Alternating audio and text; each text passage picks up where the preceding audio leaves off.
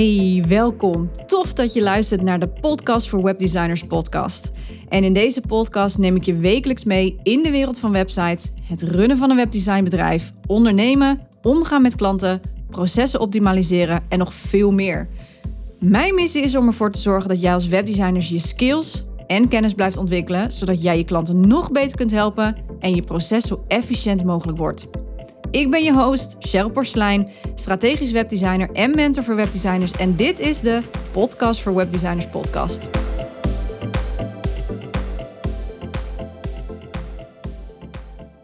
Ja, welkom bij een uh, gloednieuwe aflevering van de Podcast voor Webdesigners podcast. En vandaag heb ik weer een hele speciale aflevering, want digitaal tegenover mij is aangeschoven niemand minder dan Chantal Schinkels.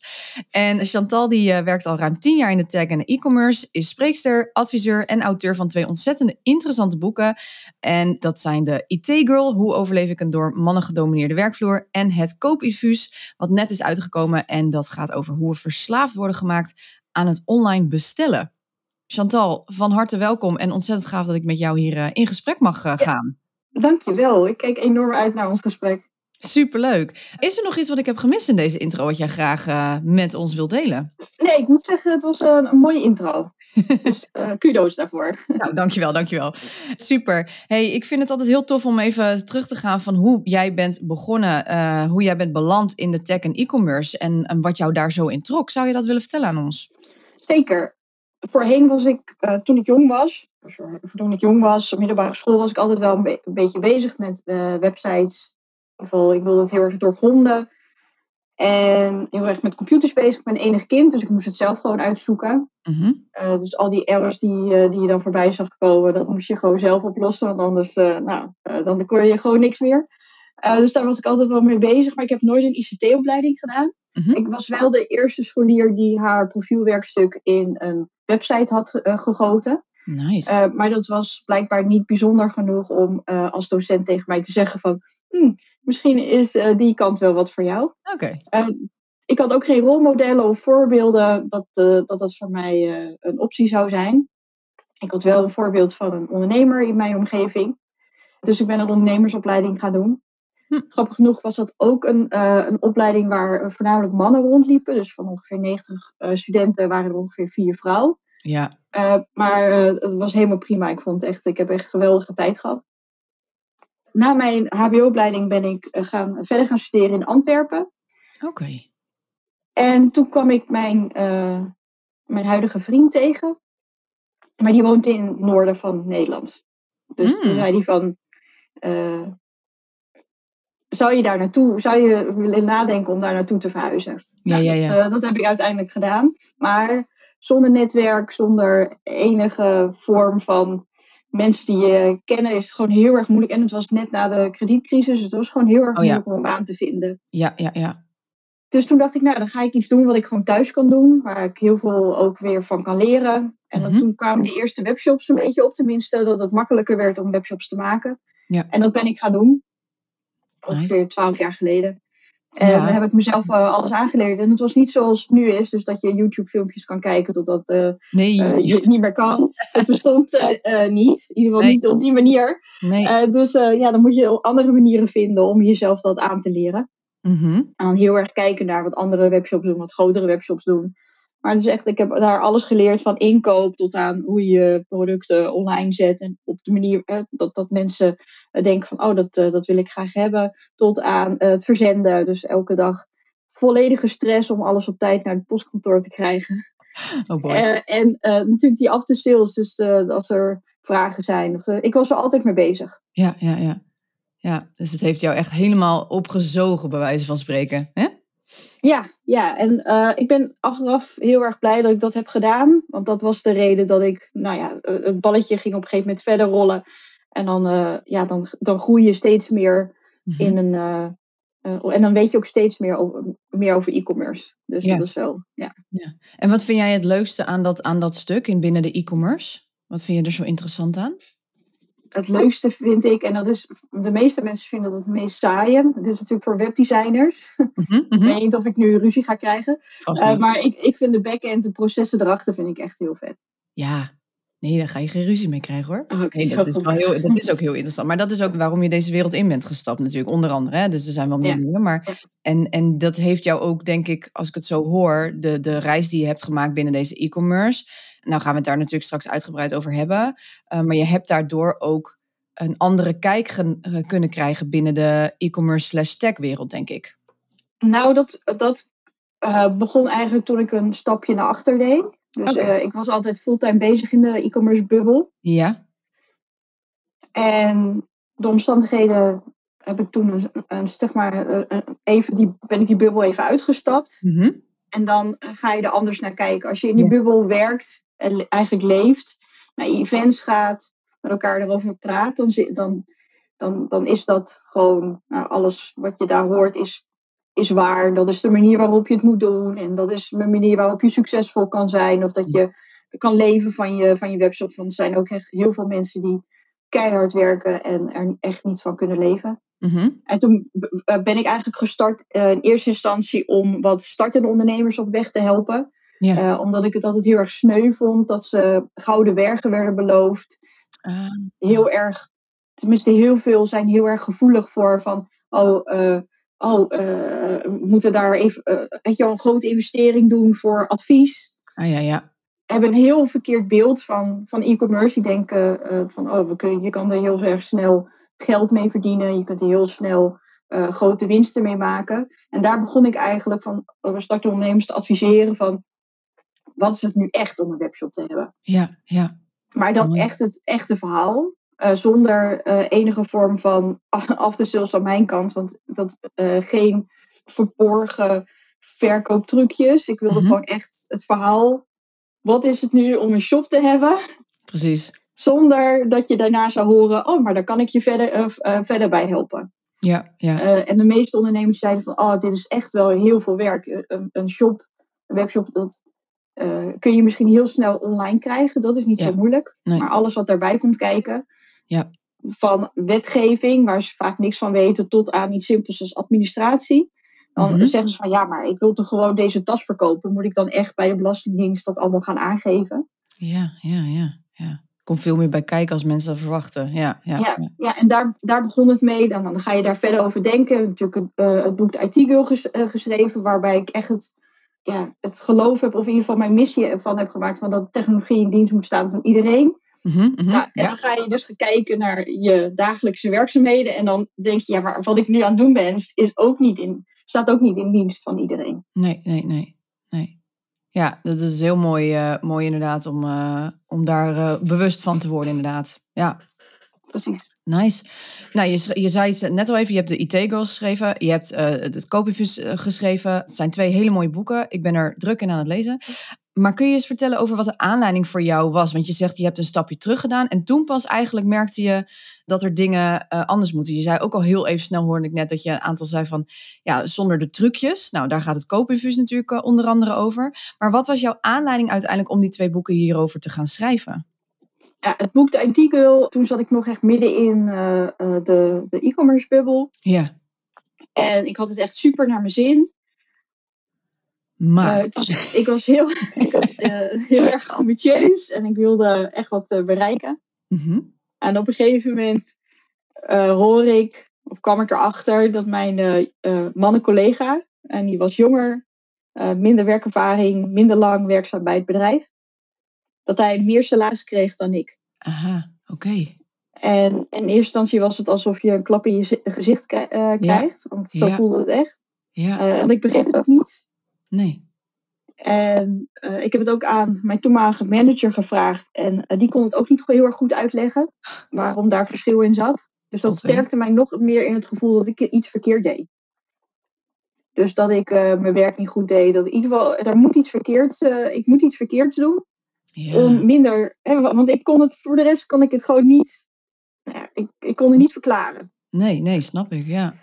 Dus ik ben heel veel boeken gaan lezen over succesvolle vrouwen. En eigenlijk nog meer boeken over su- succesvolle mannen. Want die zijn er ook sowieso meer. Ja.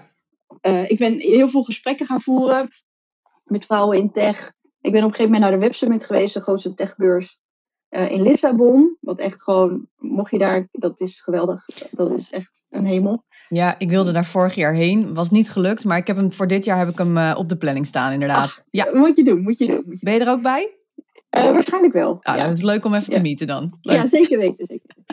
um, dus daar ging ik ook heen. Uh, daar sprak ik uh, vrouwen uit, nou, of eigenlijk over de, vanuit de hele wereld. En daar hoorde ik dezelfde verhalen. Ik dacht, ja, oké. Okay, dus zo uitzondering ben ik niet. Er moet iets dus meer zijn.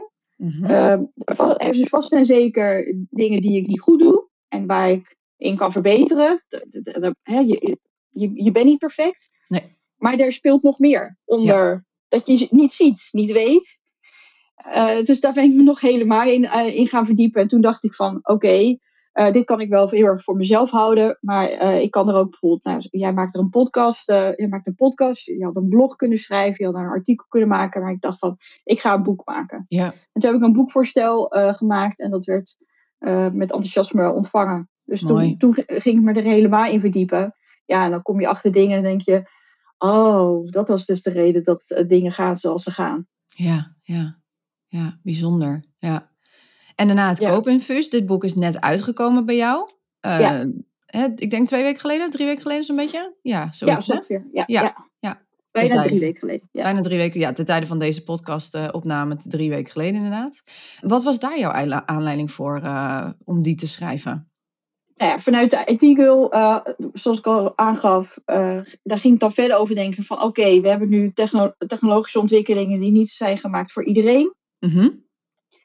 En dan ga je daar natuurlijk verder over nadenken. En uh, dan, dan, dan ga je al heel erg moeilijk. Dan ga je over hè, richting AI. Uh, uh, want ja, dat, dat Ja. is dus. hè, mensen willen graag voorbeelden hebben. Ja. En AI is gewoon een heel erg sprekend voorbeeld. Zeker. Maar toen, toen was ik een keer op weg met mijn partner. Ik zat trouwens niet achter het stuur in dit verhaal. Dat is altijd wel goed om te vertellen. Ja. En ik, ik stond achter een vrachtwagen van een vismerk. En daar stond heel erg groot I see you op. Ja, ja. En uh, nou, een vismerk. En dan, uh, nou, je begrijpt het woordgrapje misschien al wel. Ja. Maar uh, see was SAA. geschreven in, Ja, in, in het ja, Engels, nou, ja. mooi, mooi, ja. Uh, mooi woord, uh, woordgrapje. Dus nou, daar moest ik zo hard om lachen. Dat ik dat wel vijf keer in de auto heb ge, geschild. Echt letterlijk ges, geschild, omdat ik ze zo, zo mooi vond. Fantastisch. Ja, ik was de straat nog niet uit. Kijk op mijn Instagram, want ja, daar zijn we ook allemaal verslaafd aan. Uh, ja. En wat zie ik daar? Een advertentie van dat vismerk.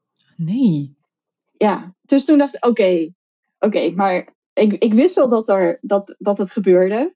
maar het zelf meemaken, dacht ik, oké, okay, we gaan ook in e-commerce hebben wij um, de mens niet meer op één staan. Nee. En, want waarom zou je dan functionaliteiten of advertentiefunctionaliteiten gebruiken zoals dit? Ja. En dat is misschien niet bewust gedaan door de marketingteam van het vismerk. Misschien hebben ze helemaal geen idee dat dit gebeurt. Hè, dat het uh, kan. Uh, maar daar moet je dan wel over nadenken. Voordat je ja. zulke functionaliteiten gebruikt. Ja. En dat dacht ik ineens aan in, in de auto van oké, okay, ik, ik doe wel heel veel nadenken over ja, hoe kan technologie in dienst staan van iedereen. Mhm. Maar hoe zit het eigenlijk met het werkveld waar ik al jaren in rondloop? Ja, ja. In de in e-commerce, ja. ja. Ja, en dan ga je dus daarin ook natuurlijk weer verder onderzoeken. En dan denk je van, uh, dat, dat kan beter. Mm-hmm, mm-hmm. Ja, ja. Of in ieder geval anders. Ja. ja, want ik las dat inderdaad in jouw boek. En toen dacht ik, dat vroeg me ook af inderdaad van als ik het ergens over heb, of wat jij nu zegt, je hebt het ergens over, of je ziet iets, dat je bijna het gevoel krijgt dat je telefoon bewijzen van je aan het bespioneren bent of zo. Hè, Ja. dat, dat je, is dat zo? Is dat, is dat, kunnen ze dat horen of op de een of andere manier? Of is dat een bepaalde uh, reactie? Of hoe?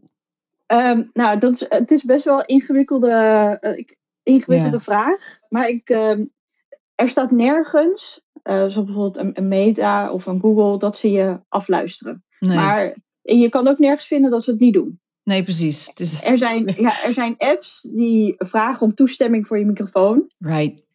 En ik, ik durf mijn handen niet voor in het vuur te kijken. Er zit Nee. natuurlijk een grote, tenminste, een grote kans bij jou. Er zijn natuurlijk wel andere mensen waar wel echt iemand zit te luisteren. Maar bij het merendeel van de mensen zit echt niet iemand te luisteren naar wat jij aan het vertellen bent. Nee, nee, nee. Maar het wordt wel onderdeel van je, van je datahoop.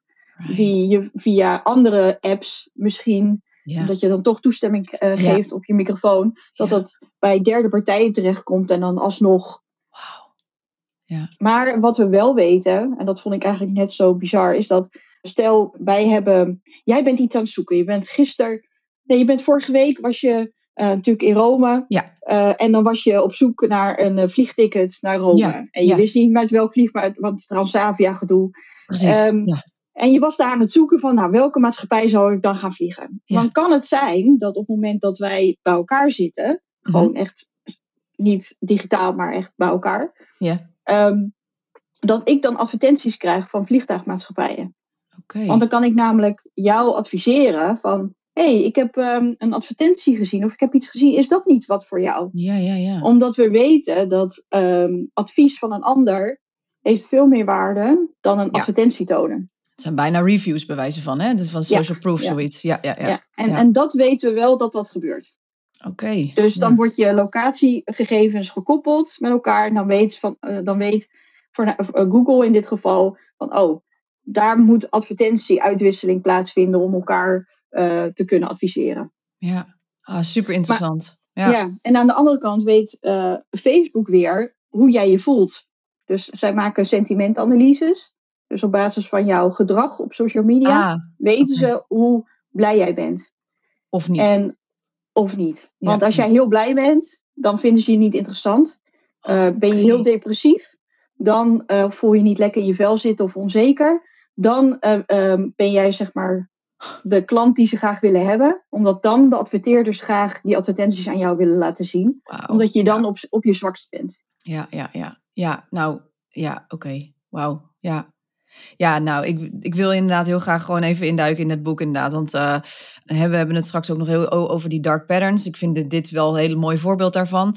We komen straks nog even op terug. Maar je hebt het er nu al over. De, in dit korte stukje vertel je hoeveel data er eigenlijk al wordt verzameld op de een of andere manier van ons. En ik las dat ook in je boek. Ik schrok ervan om hoeveel data het ging. En je had laatst ook een, een heel mooi uh, LinkedIn-post geplaatst over dat er gewoon een, een webshop of een website was met 144 cookies. Dat ik dacht, waar gaat dit heen?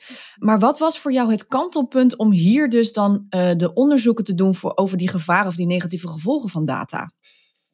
Omdat ik zelf altijd, en dan ben ik eigenlijk nog steeds, ik ben echt een data geek. Ja. Ik vind data echt geweldig. Ik was vroeger al uh, uh, bezig met uh, kijken naar bepaalde software die je kon gebruiken om zoveel mogelijk te weten van je klanten, zodat je niet meer op onderbuik uh, hoeft te, zeg maar, beslissing te maken op onderbuik. Mm -hmm. Omdat intuïtie is trouwens heel erg goed. Maar ja. op data sturen, ja, dat vond ik altijd heel erg.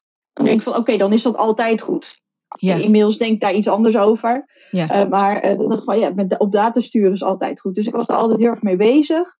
Um, Google Analytics stond altijd uh, open om te kijken van oké, okay, wat, wat doen mensen nu? Ik had allemaal van die tooltjes waardoor je kon zien wat mensen nou op een webshop deden. Zodat je kan zien van oké, okay, waar, waar stoppen ze en waar kunnen we ja. nog dingen in verbeteren. Mm -hmm. Op een gegeven moment kwam ik een tooltje tegen die nou, volledige klantprofielen konden maken. Dus die schraapte overal informatie vandaan. En dan kon je eigenlijk op basis van, eigenlijk op naam, uh, kon je al heel erg zien waar de interesses lagen van een bepaald persoon. Wauw. en dan gingen ze dat ook nog eens combineren met algoritmes, dus met AI. Waardoor je dus ook een voorspelling kon doen. En dat is mensen die zeggen van, ja, kan mij het schelen dat ze allemaal die data van me weten. Ja, je data van gisteren is niet zo boeiend, maar je data van morgen, daar, dat willen mensen weten. Wauw. Dus om, om meer data ze weten uit je geschiedenis, hoe beter ze kunnen voorspellen wat jij morgen, volgende week of volgende maand uh, nodig hebt. Omdat je dan bepaalde structuren. We lijken meer op elkaar dan dat we denken. We zijn zo uniek dan, dan, dan dat we denken. Uh, dus als mens lijken we heel erg op elkaar. En daardoor kun je dus bepaalde groepen maken die bepaald gedrag, gedrag vertonen. En dan, dat, dat, gaat, dat zijn ze al zo lang aan het verzamelen, dat ze uh, eigenlijk ook kunnen voorspellen wat jij morgen, volgende week, volgende maand uh, of zelfs over drie, vier jaar wil gaan kopen. Jeetje. Wauw. En wat, en, en, en wat zijn daar negatieve kanten van? Want dat, ik vind dat, ik, ik schrik hier best wel van. Ik bedoel, over drie jaar weet ik nog niet eens wat, eh, wat ik ga doen, zeg maar, bij wijze van. Nee, nou, er zitten nee, wel grote gevaren bij, denk ik. Wat het uh, gevaarlijke hieraan is, is dat. Laat ik even een voorbeeld geven. Ik, vorige week kwam ik een onderzoek tegen, gedaan bij Alibaba. Mm En zij hadden daar van een, een, half miljoen mensen. Je hebt altijd productaanbevelingen. Als je naar Alibaba gaat of naar een andere uh, shop, heb je altijd productaanbevelingen op basis van je historische data. Mhm. Dus dan uh, op de homepagina staat dan iets van uh, deze producten vind je ook leuk. Ja, of ja. dat, soort, dat zijn productaanbevelingen. Doen ze op basis van je historische data en dan een beetje AI erom, sausje, een AI-sausje doorheen. En dan kunnen ze dus uh, best wel goed voorspellen van wat voor, wat voor producten jij in je winkelmand gaat gooien. Nou, in dat uh, onderzoek hadden ze een half miljoen mensen daarvan afgetrokken. Dus, je, dus geen persoonlijke data werd er meer gebruikt voor die productaanbevelingen. Mm-hmm. En ze wilden gaan kijken wat, dat voor, wat, wat, voor, wat voor impact dat had. Mm-hmm. Nou, bleek dus dat onderaan de streep er 81% minder verkopen werd gedaan vanuit een productaanbeveling. Okay. Dus op het moment dat je persoonlijke data niet meer wordt gebruikt voor die productaanbevelingen, dus dat die productaanbevelingen een beetje meer op een random manier aan je worden getoond, heb je minder de neiging om te kopen. Oh, wauw. Dus buiten het feit dat ze natuurlijk heel veel van je weten, uh, waar ik me voornamelijk uh, mee bezig hou, is dat, wat, wat, dat, dat, dat al die data en al die kennis van al die data ervoor zorgt dat jij meer gaat kopen. Hmm. Maar ook gaat kopen op het moment dat je geen geld hebt. Want we weten dat als we online kopen, uh, digitaal geld heeft voor de mens geen waarde. Pas als we een briefje of muntjes in onze handen hebben, dan heeft geld waarde. Ja. Digitaal geld heeft voor de mens geen waarde. Nee. Dus we kopen online gewoon veel makkelijker. Ja. En waar ik mij dan zorgen om maak, is, dat, is om een aantal dingen. Je hebt dus als mens ga je dus veel sneller kopen omdat al die productaanbevelingen of andere aanbevelingen echt specifiek voor jou zijn neergezet. Waardoor je sneller geneigd bent om het te kopen. Uh, je kiest dan omdat je dan misschien helemaal geen budget hebt om het te kopen. Maar je wil het echt hebben, want er staat misschien bij dat er nog maar twee op voorraad zijn. Hmm. Um, ga je met achterafbetaling ga je kopen. Uh, nou, achterafbetalingen hebben geen WKR-registratie. Dus stel je Nee. zit in de schuldhulpverlening, dan kun je gewoon online blijven kopen. Jeetje. Um, ja. Daar maak ik me zorgen om. Ja. Uh, uh, achterafbetaalbedrijven die hebben ook een eigen businessmodel waar incassokosten ook nog eens bij komen kijken. Dus ze hebben totaal geen incentive om jou snel te laten betalen. Um, aan de andere kant zorgt er ook weer voor dat als jij vaker of heel snel koopt en misschien, heel misschien, kleine kat, uh, zodra je het binnenkrijgt dat je terug gaat sturen, heeft het bedrijf weer die retourenberg. Hmm. Uh, waar ze soms niks mee kunnen. Ik las laatst een verhaal over uh, een bedrijf die herenpyjama's verkochte en die kreeg de herenpyjama terug in een pizzadoos. Uh, dat is dus voor een bedrijf meteen afschrijving. Het kost Ja. gewoon een bedrijf heel veel geld. Ja. Dus aan de ene kant zorgen we zorgen bedrijven ervoor dat wij als consumenten veel meer kopen, omdat we zo, omdat we zo gefocust zijn op die conversies, op die, op die verkopen. Ja. Uh, maar aan de andere kant kost het ze ook weer geld van alle uh, retouren die ze, die Ja. ze krijgen. ja. Ja. En hoe? Uh, ja, en daarnaast hebben we het natuurlijk nog niet eens over het sociale. Want Ja. uh, online shoppen, shoppen aan zich naar de winkels gaan is voor vrouwen vooral een heel sociaal, uh, sociale activiteit. Mhm. Als we het allemaal online gaan doen, worden we ook wat eenzamer. Ja, en daarnaast natuurlijk de, de milieu, milieuaspecten. absoluut. Dus, de- dus daar komt heel veel kijken. En natuurlijk, met data kun je nog zoveel meer privacy. Dat je als bedrijf ook heel erg gevoelig bent voor datalekken. Ja, dat, dat is allemaal. En eh, dat, dat is, als je naar data kijkt, natuurlijk net zo belangrijk. Maar dit, dit zit er ook nog allemaal achter. ja, ja, jeetje, ja. Ja, ik, ik las inderdaad laatst een artikel op eh, nu.nl over die eh, datalekken, inderdaad. Dat eigenlijk bijna, nou, nee, eigenlijk alle Nederlanders in ieder geval, dat er van iemand wel, dat alle Nederlanders gegevens op straat lagen eh, wegens eh, privacylekken. Ja. Ja. Ja. En, en dat zijn ook zaken waar je als bedrijf, in ieder geval in e-commerce, daar wordt heel weinig naar gekeken. Want er wordt Hmm. eerder gekeken van het gemak bijvoorbeeld. Ja. Eh, bij, bij, bij, bij Facebook kun je een, groep, een- nou, eigenlijk al je klanten inladen. Ja, En Facebook die maakt, Ja, ja. die maakt daar een soort lookalike van. klopt. En dan ja. kun je daar, dan heb je grotere kans dat, dat die advertenties goed gaan lopen. En het gemak waarop bedrijven die klantenlijsten richting Meta, richting Facebook sturen, Mhm. ja, dat, dat, daar maak ik me zorgen om. Ja, snap ik, ja. Zeker. Ja. Want we geven daar in principe ook niet echt toestemming voor. Kijk, als we kijken richting de AVG-wet bijvoorbeeld, dan mag dit officieel natuurlijk niet, als je het zo bekijkt. Eh, nee, ze zetten het soms een beetje verstopt in de, in de, in de algemene voorwaarden of in de cookie-ding. Mm. En, en sommigen zeggen van, nou, ik doe het gewoon, want ze komen er toch niet achter. Ach, ja. Ja, ja, ja, ja. Ja, daar wil ik het straks nog even inderdaad even kort met je over hebben. Want jij hebt voor dit, je hoort ook, ik hoor ook, je, hebt voor dit boek heel veel onderzoek eh, moeten doen. Is er iets wat jij bent tegengekomen waar jij zelf echt heel erg van geschrokken was? Dat je dacht, holy Moses, dat dit gewoon kan of mag of gebeurt. Nou ja, dat is vooral die achterafbetaalmethodes. Ja, ja. Dat mensen Eh, gewoon inderdaad in de schulden gewoon nog steeds kunnen kopen en extra schulden daarmee opbouwen eigenlijk. Ja, en het is allemaal begonnen met een wet. En die wet is zo oud, dat het internet bestond toen niet eens. Oh, Toen was die wet er al. Oké. Eh, en in die wet staat dat je verplicht bent als winkelier om eh 50%, eh, of in ieder geval de consument de mogelijkheid te bieden dat ze 50% vooraf betalen en 50% bij levering. Really? Oké. En dat is de reden dat, ja, dat moest dan online ook, Ja, ja. want ze wilden daar geen verschil in maken. Oké. En, en dat, ja, dat heeft setje gegeven om die, eh, dat, dat die achteraf betaal, eh, dat het zo booming is geworden. Ja. Want, want en dat heb ik ook echt gezien, het aanbieden van achteraf betaalmethoden zorgt voor meer verkopen. Ja? Jeetje, ja. Ja. Ja, ik heb iemand op, of tenminste die ik volg op TikTok af en toe, die inderdaad helemaal verslaafd is aan, aan kleding kopen.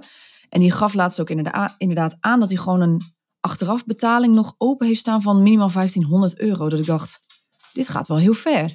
Ja, ik heb het ook, eh, ik heb ook een experiment gedaan van oké, wanneer krijg ik nou eh, Ja, een bericht ja. van nu mag het niet meer. Nee, dat las ik inderdaad. Ja, En- maar... Ja, maar- ik kreeg hem niet. Nee. En op een gegeven moment wordt dat ook een beetje een eh, soort roulette tafelgevoel. Ja, ja, Zo ja. van, ah, word ik geaccepteerd? Word ik geaccepteerd? Ja. Ja, maar ja, zolang dan, dat eh, natuurlijk wel door blijft gaan, kun jij gewoon blijven kopen wat je wil natuurlijk. Ja, ja. Wauw. Ja. Ja, en dat, is ik bizar. Vond, dat vond ik wel heel erg. eh, ehm, en het meest bizar is dat ik. Toen, ik was er vrij vroeg bij over dat achteraf betalen. Ik was erover nadenken. Toen heb ik de Nibud, eh, Nibud gebeld. Van, hebben jullie daar onderzoek over? Nou, op dat moment hadden ze dat gewoon nog helemaal niet voor de bril. Ze hadden daar helemaal geen onderzoek over. Een paar maanden later kwamen er wel wat onderzoeken naar buiten. Vooral gericht op jongeren. Dat jongeren Ja. daar zo eh intuinen. Mhm. En dat nou ja, mensen in de schuldhulp dus ook gewoon blijven kopen. Ja. Daar zijn er kamervragen over gesteld. Mhm. Eh, maar ja, eerder dat, dat, dat daar Ja. verandering in komt. Ja, Ben je tien jaar verder? Ja, precies. Ja, ja, nou, ja. En ervan. sowieso volgens mij in 2024, 2025 moet er echt wel... Vanuit Europa zijn ze er ook mee bezig. Maar goed, ja. Ja, ik denk dat AI daar ook wel een eh, grote rol in gaat spelen. Omdat het, daar zijn ze natuurlijk ook mee bezig met die privacy eh, kant. Er is een wet voor aangenomen. Dus ik denk dat dat daarmee wel hoger op de, op de agenda heeft eh, gezet, denk ik. Ja, ik, ik Ja. hoop het. Want ik, Ja. ik vind het best wel... Ik vind het echt wel heel tricky. Zelfs Zeker. las ik dat één partij ongeveer 11% haalt uit incassokosten.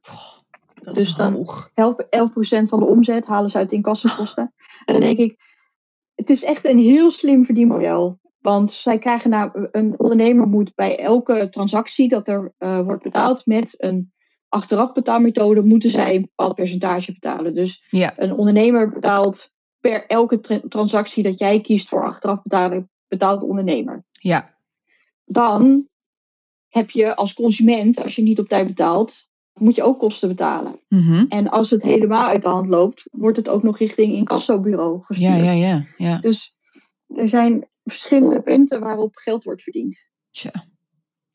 Ja. Ja. Ja, En heel een ander-. Ja. Ja, een ander ding eh, wat, het- wat het een beetje heeft versneld, is het verhaal over de staatsloterij. Hmm, ja. Een staatsloterij heeft samen met een groot eh, Nederlands bureau, Digital Agency, een conversieoptimalisatietraject gedaan. Uh, wat betekent dat zij dus gaan, zijn gaan kijken van oké, hoe kunnen we nu meer staatsloten verkopen? En in dit geval was de, de vraag van oké, hoe kunnen we meer abonnementen verkopen? Ja. Oh, ja. En door bepaalde dingen te optimaliseren op de website, hebben ze ervoor gezorgd dat er 50% meer abonnementen zijn verkocht. En uh, het, het mooie voor hun, tenminste daar waren ze helemaal trots op, dat uh, naast die uh, abonnementen die meer zijn verkocht, dat die losse verkoop, die zijn nog, is nog steeds hetzelfde gebleven. Dus onderaan de streep hebben ze met die optimalisaties meer loten verkocht. Ja. En het meest bizarre van dit hele verhaal was, is dat ze er een award voor hebben gewonnen. Ze hebben er diverse presentaties over gehouden. En ze waren er oprecht trots op dat ze met die aanpassingen meer mensen hebben laten gokken. Want daar komt het eigenlijk ja, op neer. Ja, daar komt het op neer. Ja, ja. En ze zijn dus zo trots op dat ze dezelfde werkwijze ook willen gaan doen bij hun andere merken. Uh, want het is van de Nederlandse Loterij. En een ja. van die merken is bijvoorbeeld Toto. Oh, en ja. Toto is een van de meest verslavende gokspellen die er, die, die er, ja, die er is. En, en ook daar willen ze die optimalisaties gaan doorvoeren. Wauw. Ja. En dan denk ik, ja. Ja, daar zijn bijna geen woorden voor eigenlijk. nee. Nee. nee. Wauw. Ja, dit zet je wel echt heel erg aan het nadenken, zoiets inderdaad. Want ik zat inderdaad te lezen in je boek en toen dacht ik, dit, dit is gewoon eigenlijk ethisch onverantwoord. Als je het gewoon even op, die vlak, op dat vlak bekijkt. Uh, ja, vind ik, uh, vind ik wel. En ik ben toen, ik was tijdens die presentatie was ik aanwezig. Daar was ook iemand van de Nederlandse Loterij aanwezig. En toen heb ik ook echt gevraagd van, ja, maar dit is, hebben jullie wel naar de ethische kant hiervan gekeken? Ja. En toen gaven ze aan van, ja, maar we hebben al een soort governance code. Uh, dat is dan vanuit, uh, vanuit ook de Nederlandse overheid. Dat als Ja. er mensen zijn die echt, echt uh, gokverslaafd zijn, dat kunnen we heel snel eruit filteren. En die mogen Ja. dan niet meer bij ons gokken. Maar dan denk ik, ehm, dat is het meest extreme. Dat is in statistiek heb je natuurlijk altijd die aan, aan, aan beide kanten de, de extreme. Dus de extreme in, in, in- zeg maar, eh, in de positieve kant en de extreme in de negatieve kant. Ja. Maar je hebt ook een hele berg Ja. aan eh, mensen die, nou, je, je kent de verhalen wel, die met hun laatste geld toch nog een staatsschuld kopen, omdat ze denken van, ja, misschien win ik hem wel. Of, eh, en dus, het, is, het zijn allemaal verhalen die ik heb gehoord van, van mensen die elke maand wel een staatsschuld kopen, terwijl ze het helemaal niet zo breed hebben. En dan eh, met eh, het geld wat ze verdienen, elk jaar een keer op, eh, uit eten gaan. Ja. Maar ook die tiende van de maand Ja. maak je een gewoonte van. Ja. Dat mensen die, die zitten echt te wachten op tiende van de maand om te kijken of ze iets hebben gewonnen. En dan denk ik van oké, dat is dan niet extreem gokverslaafd. Hè? Ik begrijp dat dat niet Ja. ondervalt. Mhm. Maar je wordt wel onderdeel van iemands gewoonte. Ja, ja, ja. ja. Wauw. Heel, heel interessant. Ja, nou ja, nogmaals, als, als je als luisteraar hier meer over wilt weten, zou ik echt even het boek Het Koopinfuus gaan, eh, gaan kopen bij, eh, bij Chantal. Want eh, mijn hemel, er staan dingen in waar, eh, waar we inderdaad eh, zeker even over na mogen denken.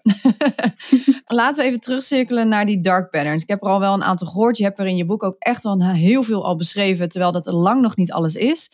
Ik ben ook bezig in de dark patterns voor, voor gewone marketingwebsites. Eh, jij zit voornamelijk in de webshops. Wat maakt voor jou een dark pattern dark? Voor mij is dat op het moment dat het belang van de klant niet meer op één staat. Dus dat, dat er dingen worden gedaan niet meer in belang van, van de consument, maar in belang van het bedrijf of Ja. van een andere eh, share of stakeholder. Ja. Iemand Ja. uit het ecosysteem. Ja. Ja. En kun je eens één, één voorbeeld noemen die jij denkt van nou, maar hier zouden we wat beter op moeten letten? Nou, wat wel heel erg grappig is, is dat een van de dingen die, eh, die aan, eigenlijk aan beide kanten staat, dus die, waarvan je kan zeggen, oh ja, maar dat is niet dark. Maar als je Mhm. net over aan gaat nadenken, kan het wel heel erg dark worden, Mhm. is bijvoorbeeld schaarste. Ja. Nou, schaarste wordt natuurlijk door het Cialdini schaarste. Ja. Als je in e-commerce werkt, moet je zo ook allemaal op kunnen dromen, eh, op kunnen Ja. dreunen, want anders hoor je het niet bij. Ja. Beïnvloedingstechnieken van Cialdini en een van de dingen is schaarste Eerste. Ja. schaarste is, eh, voor de mensen die denken, wat is schaarste? Schaarste is dus dat je zegt van er is nog één of is nog, er zijn nog twee op voorraad. Om dan, dan, dan triggert het iets in het brein. En, De eh, FOMO. eh, Ja. de, ja, FOMO. Hè, je wordt een beetje ook eh, angstig. Je hart gaat harder kloppen. Je gaat een beetje zweten. Je hebt zelfs hè, lichamelijke reacties op schaarste. Ja. Want stel dat je het misloopt. Ja. Ja. Je herkent het misschien wel van Booking. Als je een hotel wil gaan boeken. Booking die had een paar jaar geleden echt extreme eh, dark patterns. Want dat Klopt. was echt dark pattern.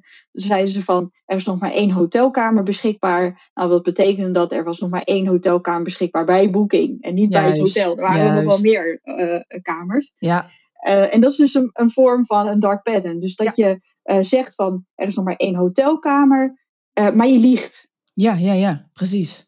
Je wil mensen je, ervoor zorgen dat je die lichamelijke, hè, die FOMO-reactie gaat op, oproepen. Terwijl ehm, die, er meer hotelkamers beschikbaar zijn. Misschien niet bij jou, maar wel bij het hotel zelf. Ja, ja. Dus schaarste eh, werkt als een trein. Ja. Maar je kunt het natuurlijk aan de goede kant gebruiken. Dus dat er echt, echt maar, bijvoorbeeld, je bent op zoek naar een koptelefoon. Er is maar echt maar één koptelefoon. Ja. Precies. En dat is ook echt zo. Ja. Dus daarnaast uitverkocht. Er- Ik, ik, ik koop wel eens mijn kleding bij een webshop. En daar weet ik, nou, omdat zij eh, een ook duurzaam aan het produceren zijn. Op het moment dat eh, het, het kledingstuk op is, is het ook echt gewoon op. Precies. Komt niet meer terug, Precies. het is op. Ja. Ja. Eh, maar je kunt het ook da- dus dark maken op het moment dat je dan zegt, nou, ja, booking, maar er zijn natuurlijk veel, veel, heel, erg, heel veel andere voorbeelden. Zeker. Van, er zijn, je verkoopt boeken, als we het toch over boeken hebben. Eh, en je zegt, er zijn nog maar vijf op voorraad, maar je hebt er nog vijftig liggen. Mhm. Ja. En het is zelfs zo erg dat je bepaalde webshop templates kan gebruiken. eh, waarin dit soort dingen in zitten. En elke keer als jij je webshop ververst, dat je een ander aantal ziet qua voorraad. Ja. Die ken ik. Dus ja. dan zeggen ze ja. van, oh, hè, nu is het vijf, vijf exemplaren, oh, nu zijn het twee en dan zijn het ineens weer tien. En Ja. elke keer als je, ver- dan, je, dan weet je dat je, dan, dan ga je die schaarste als een dark pattern gebruiken. Ja, ja, precies. Dus eigenlijk gewoon echt op de hele verkeerde manier. Gewoon manipulerend. Hè? Dus dat- ja. dat. Want ik weet wel dat. eh, want ik heb hem ook inderdaad in mijn podcastaflevering over dark patterns. Die booking.com is een heel mooi voorbeeld. Ik ben heel blij dat je deze even eh, eh, erbij pakt. Maar ik weet dat in de UK, want ik volg. ik weet niet of jij Paul Boag toevallig kent. Eh, maar hij is ook into the dark patterns, maar hij zit in de UK. En ik weet dat hij toen had verteld dat bij de UK dat het daar echt verboden is om die eh, dingen te laten zien. En eh, welke dingen? Die eh, van er is nog maar zoveel kamers beschikbaar. Of hè, er zijn nu deze mensen, die- dit is ook een mooi van. Er zijn nu zoveel mensen deze kamer aan het bekijken. Dat Ja, vind ik ook altijd ja. een hele, een hele mooie. En denk je, in de UK hebben ze daar een verbod op gezet. Althans, dat begreep ik van Paul, zijn verhaal. Ja, dus we, we- ik hoop dat daar natuurlijk wel meer eh, nog van komt. Maar we zijn daar heel erg gevoelig voor. Terwijl we het ergens wel weten, heb ik het idee. Ja, dat is het grappige. Eh, sowieso met breinmanipulatie of beïnvloedingstechnieken gebruiken. Ja. Eh, we, we, we, kunnen de bepaalde technieken echt wel herkennen. Ja. Maar zelfs de experts in die beïnvloedingstechnieken, die trappen er nog steeds in. Omdat Ja. het gewoon werkt. Ja. Het, het, het triggert op breinniveau. En het, Mhm. en het werkt. Het maakt niet uit wat je intelligentie is, wat je eh, opleidingsniveau is. Het werkt. Ja, Ik weet wel dat de Europese Commissie, eh, die, die, er staat door in de wet dat je geen misleidende marketingtechnieken mag Juist. gebruiken. ja, ja. Maar dat is heel erg vaag. En nu Ja, zijn ze met andere wetgeving bezig, waarin echt duidelijk, ze zijn ook met onderzoeken bezig om aan te geven, oké, dit zijn ons, de- dit zijn de belangrijkste start patterns. En daar staat ook gewoon schaarste in. Eh. Een beïnvloedingstechniek van Cialdini, die heel erg eh, normaal nog wordt gezien in de e-commerce bubbel om dat te gebruiken. Maar over een tijdje staat die gewoon onder de dark patterns. Ja. Eh, en ja, mag je hem eigenlijk, is het, is het, valt het onder misleidende marketingtechnieken? Ja, en niet alleen in de e-commerce wereld natuurlijk. Kijk, ik zie het in de webdesign ook heel erg veel. Hè, de de, de e-maillijsten ah, nu inschrijven en eh, zo. En eh, nou ja, je, je hebt het zelf Ja. ook aange, aangestipt in je boek over de coaches die we natuurlijk eh, heel veel zien met de 10k beloftes en de 100k beloftes en allemaal dat soort dingen. Ja, is er, ondanks dat we wel weten dat we erdoor gemanipuleerd worden, zouden we daar ons wel een manier van minder gevoelig voor kunnen worden? Is het, gaat het hier echt puur om het bewust worden ervan? Of, want jij zegt het werkt, dus bedrijven blijven het wel gewoon constant gebruiken. We zijn er ons van bewust, maar we mhm. trappen er nog steeds in. Is er iets waarvan jij denkt van ja, maar dit, als je dit herkent of dit voelt, dan moet je even een stapje terug doen bijvoorbeeld? Nou, uh, ik heb dus ook een onderzoek gevonden waarin ze dus uh, keken van oké, hoe kunnen we nou zorgen dat je dus minder uh, beïnvloedbaar bent door, gevoelig bent door, door, dark patterns. En dan hadden ze verschillende vormen van schaarste en, en, en, en nog een dark pattern hadden ze in het onderzoek meegenomen. En er mhm. waren drie dingen die ervoor zorgen dat je er wat minder beïnvloedbaar door wordt, minder gevoelig voor bent. En de ene is bijvoorbeeld uitstellen. Oh, dus dat je, zij, in, in, in dit geval het onderzocht met een soort uh, aftel, een timertje wat ging aftellen, 30 seconden. En dan proberen ze jouw onbewuste beslissing weer een beetje rationeel te maken. Mhm. Een andere manier was om, een, een, uh, dat is wel grappig, om in te vullen waarom je dit wilde kopen oh en waarom je het niet wilde kopen. dat, dat kwam dan voordat je überhaupt het winkelmandje kon afrekenen, moest je eerst dat invullen. Ja. En het derde was een spelletje doen. Oké, gewoon random spelletje. Hadden ze gewoon, ja, hadden ze een vakje met tien, nou, een rastertje eigenlijk, met een cijfertje 1 en een cijfertje 0. En dan moest je alle eentjes stellen. Ah ja, ja, ja, ja. Oh, dit is wel grappig, want hier, hier hoor ik dus heel vaak, want ik ga, grappig genoeg, ga ik binnenkort uh, starten met een opleiding ontwerpen voor gedrag. Uh, dat vind ik wel heel grappig dan. Mhm. Maar daar zit ook inderdaad uh, in over het systeem 1, systeem 2, wat we in ons brein hebben. Dat systeem 1 natuurlijk die automatische piloot en systeem, systeem 2, dat is ons denkvermogen eigenlijk. En eigenlijk wat de, de, als ik het zo goed begrijp, als ik hem zo even vertaal, is dat we in de e-commerce eh, de dark patterns eigenlijk zien, die worden beïnvloed door voor het systeem 1. Hè, dat we snel kunnen, uh, impulsief, uh, niet hoeven na te denken, we, gaan, we kopen gewoon. En eigenlijk wat ze doen met die onderbrekingen, is weer even dat systeem 2 aan, aan zwengelen. Zo van, joh, wacht heel eventjes met aankopen.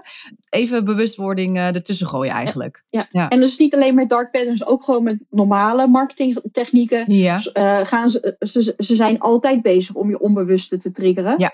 Want op het moment dat jij.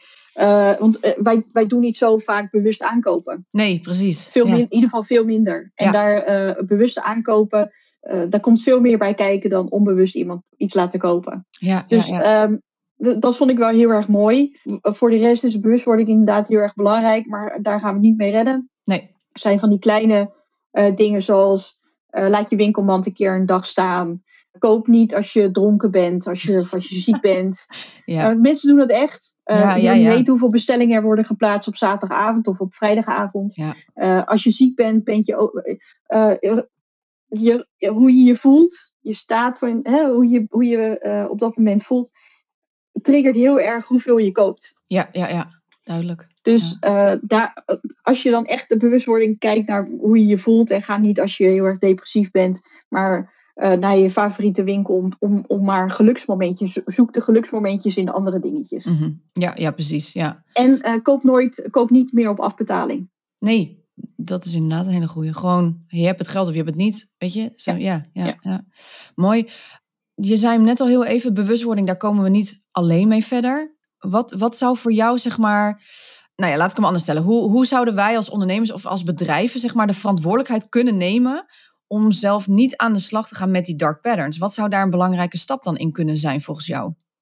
Nou, waar het mee begint is dat je moet afvragen in hoeverre je, alle, heel je al je processen in moet richten op basis van conversie. Ja. Uh, dus dat je je, KPI, je belangrijkste KPI conversies zijn. Mm Je afvragen of dat nog wel de manier is om, om duurzaam voor te bestaan. Uh, in, in mijn boek heb ik het ook over het ethisch e-commerce canvas, waarbij je dus echt al die, de, al die vragen. Dus eh, allereerst wordt natuurlijk uitgelegd van oké, wat is dan ethiek en wat komt daar allemaal bij kijken? Nou, daar komt echt veel meer bij kijken. Dan ook die, die bubbel waar je in zit helpt heel erg.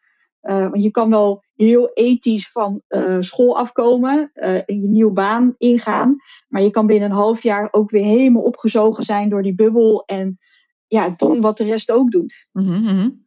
Maar het is vooral je afvragen, waar liggen onze ethische grenzen? Voor welke bedrijven willen we wel en niet werken? Uh, Hoe ziet ons ecosysteem eruit? Zijn die bedrijven daar net zo goed mee bezig? Uh, is die conversie-KPI wel, wel het allerbelangrijkste? Zijn er niet andere KPI's die je beter kan. Bijvoorbeeld, zo zijn er bedrijven die zeggen van hé, hey, wij willen een bepaald aantal duurzame artikelen in het assortiment. Dat is onze KPI. Ja, ja, ja. Het percentage duurzame artikelen. Ja, ja, ja. En dat, dat, dan maak je die duurzaamheid maak je dan onderdeel van het hele bedrijf.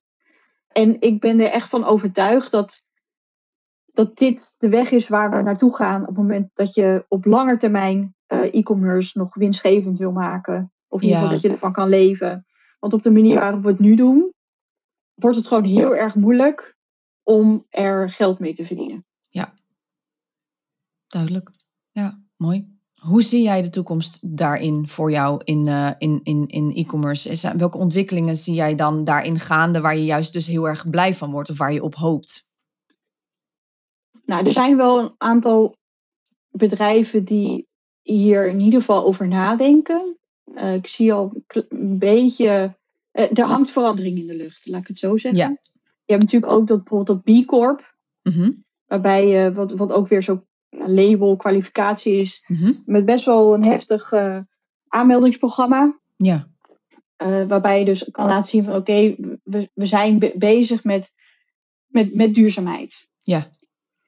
En uh, dit, dit boek is niet, gaat niet, is, heeft niet als doel om, om duurzaam te worden. Het is meer van oké, hoe kunnen we nu het anders doen? Nou ja, is, is, je zegt ook weer duur, maar op lange termijn dus we minder op korte termijn gaan nadenken, maar hoe kunnen we nou dit op lange termijn het beste gaan insteken. Net zoals dat AI wordt nu op een bepaalde manier, of is op een bepaalde manier bedacht. We lopen nu tegen uh, grenzen op, waardoor we dus denken van, nou, dit voelt niet helemaal prettig. Ja, ja. Uh, en daar zijn we nu ook over aan het nadenken van, oké, hoe kunnen we dat wel prettig maken voor iedereen Precies. op lange termijn? Mm -hmm, AI wordt dan wel zo gezien als van, maar ja, zo'n sector als, als e-commerce moet daar ook over na gaan denken. Dat is ook bedacht jaren geleden. En daar is allemaal op voorborduurd. En nu hangt het met plakbandjes aan elkaar. Het zou mooi zijn als je uh, met, een, met een groep bedrijven die, uh, die hier een voorloper in willen zijn, gaan nadenken van oké, hoe kunnen we nou zorgen dat de e-commerce sector ook op lange termijn voor iedereen leuk blijft. Ja, precies. Ja, ja. En deze, deze trek ik ook altijd inderdaad door naar de, naar de webdesignwereld. Uh, ondanks dat de websites voor uh, ondernemers net even anders zijn dan webshops. Er zit wel een behoorlijk verschil tussen. Maar ook wij in de, in de webdesignwereld, of ik in de webdesignwereld, zie heel veel manipulatie op websites.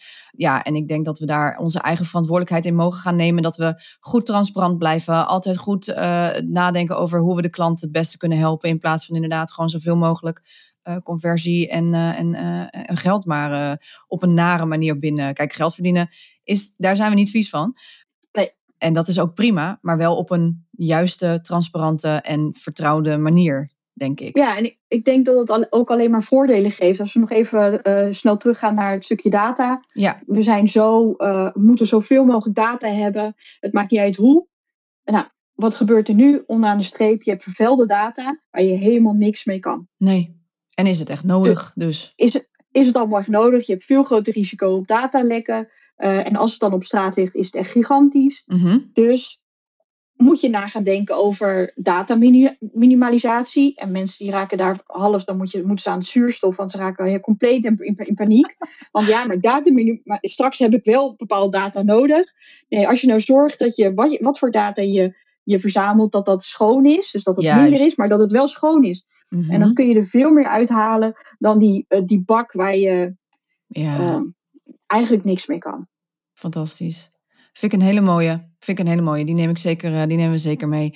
Om hem toch een beetje positief uh, nog af te sluiten. Want uh, ja, data kan gewoon ook heel erg negatief in het, in het licht staan. En weet je, met die dark pens natuurlijk ook. Maar om toch nog even een klein beetje positief af te sluiten. En, en jou daarin ook te bedanken. Wat zie jij voor jij, jouzelf nog in de nabije toekomst? Is er iets waar je nog naar uitkijkt? Komt er misschien nog een boek? Of, of Um, nou, ik hoop dat ik de kans krijg om dit verhaal uh, met heel veel mensen te delen. Dus dat ik uh, hierover lezingen mag geven. Dat ik mensen Zeker, uh, ja. ook weer wat meer bewustwording mag, mag, ge mag geven. Dus hoe, hoe dingen werken. Mm -hmm. Om de discussie aan te zwengelen. Ja.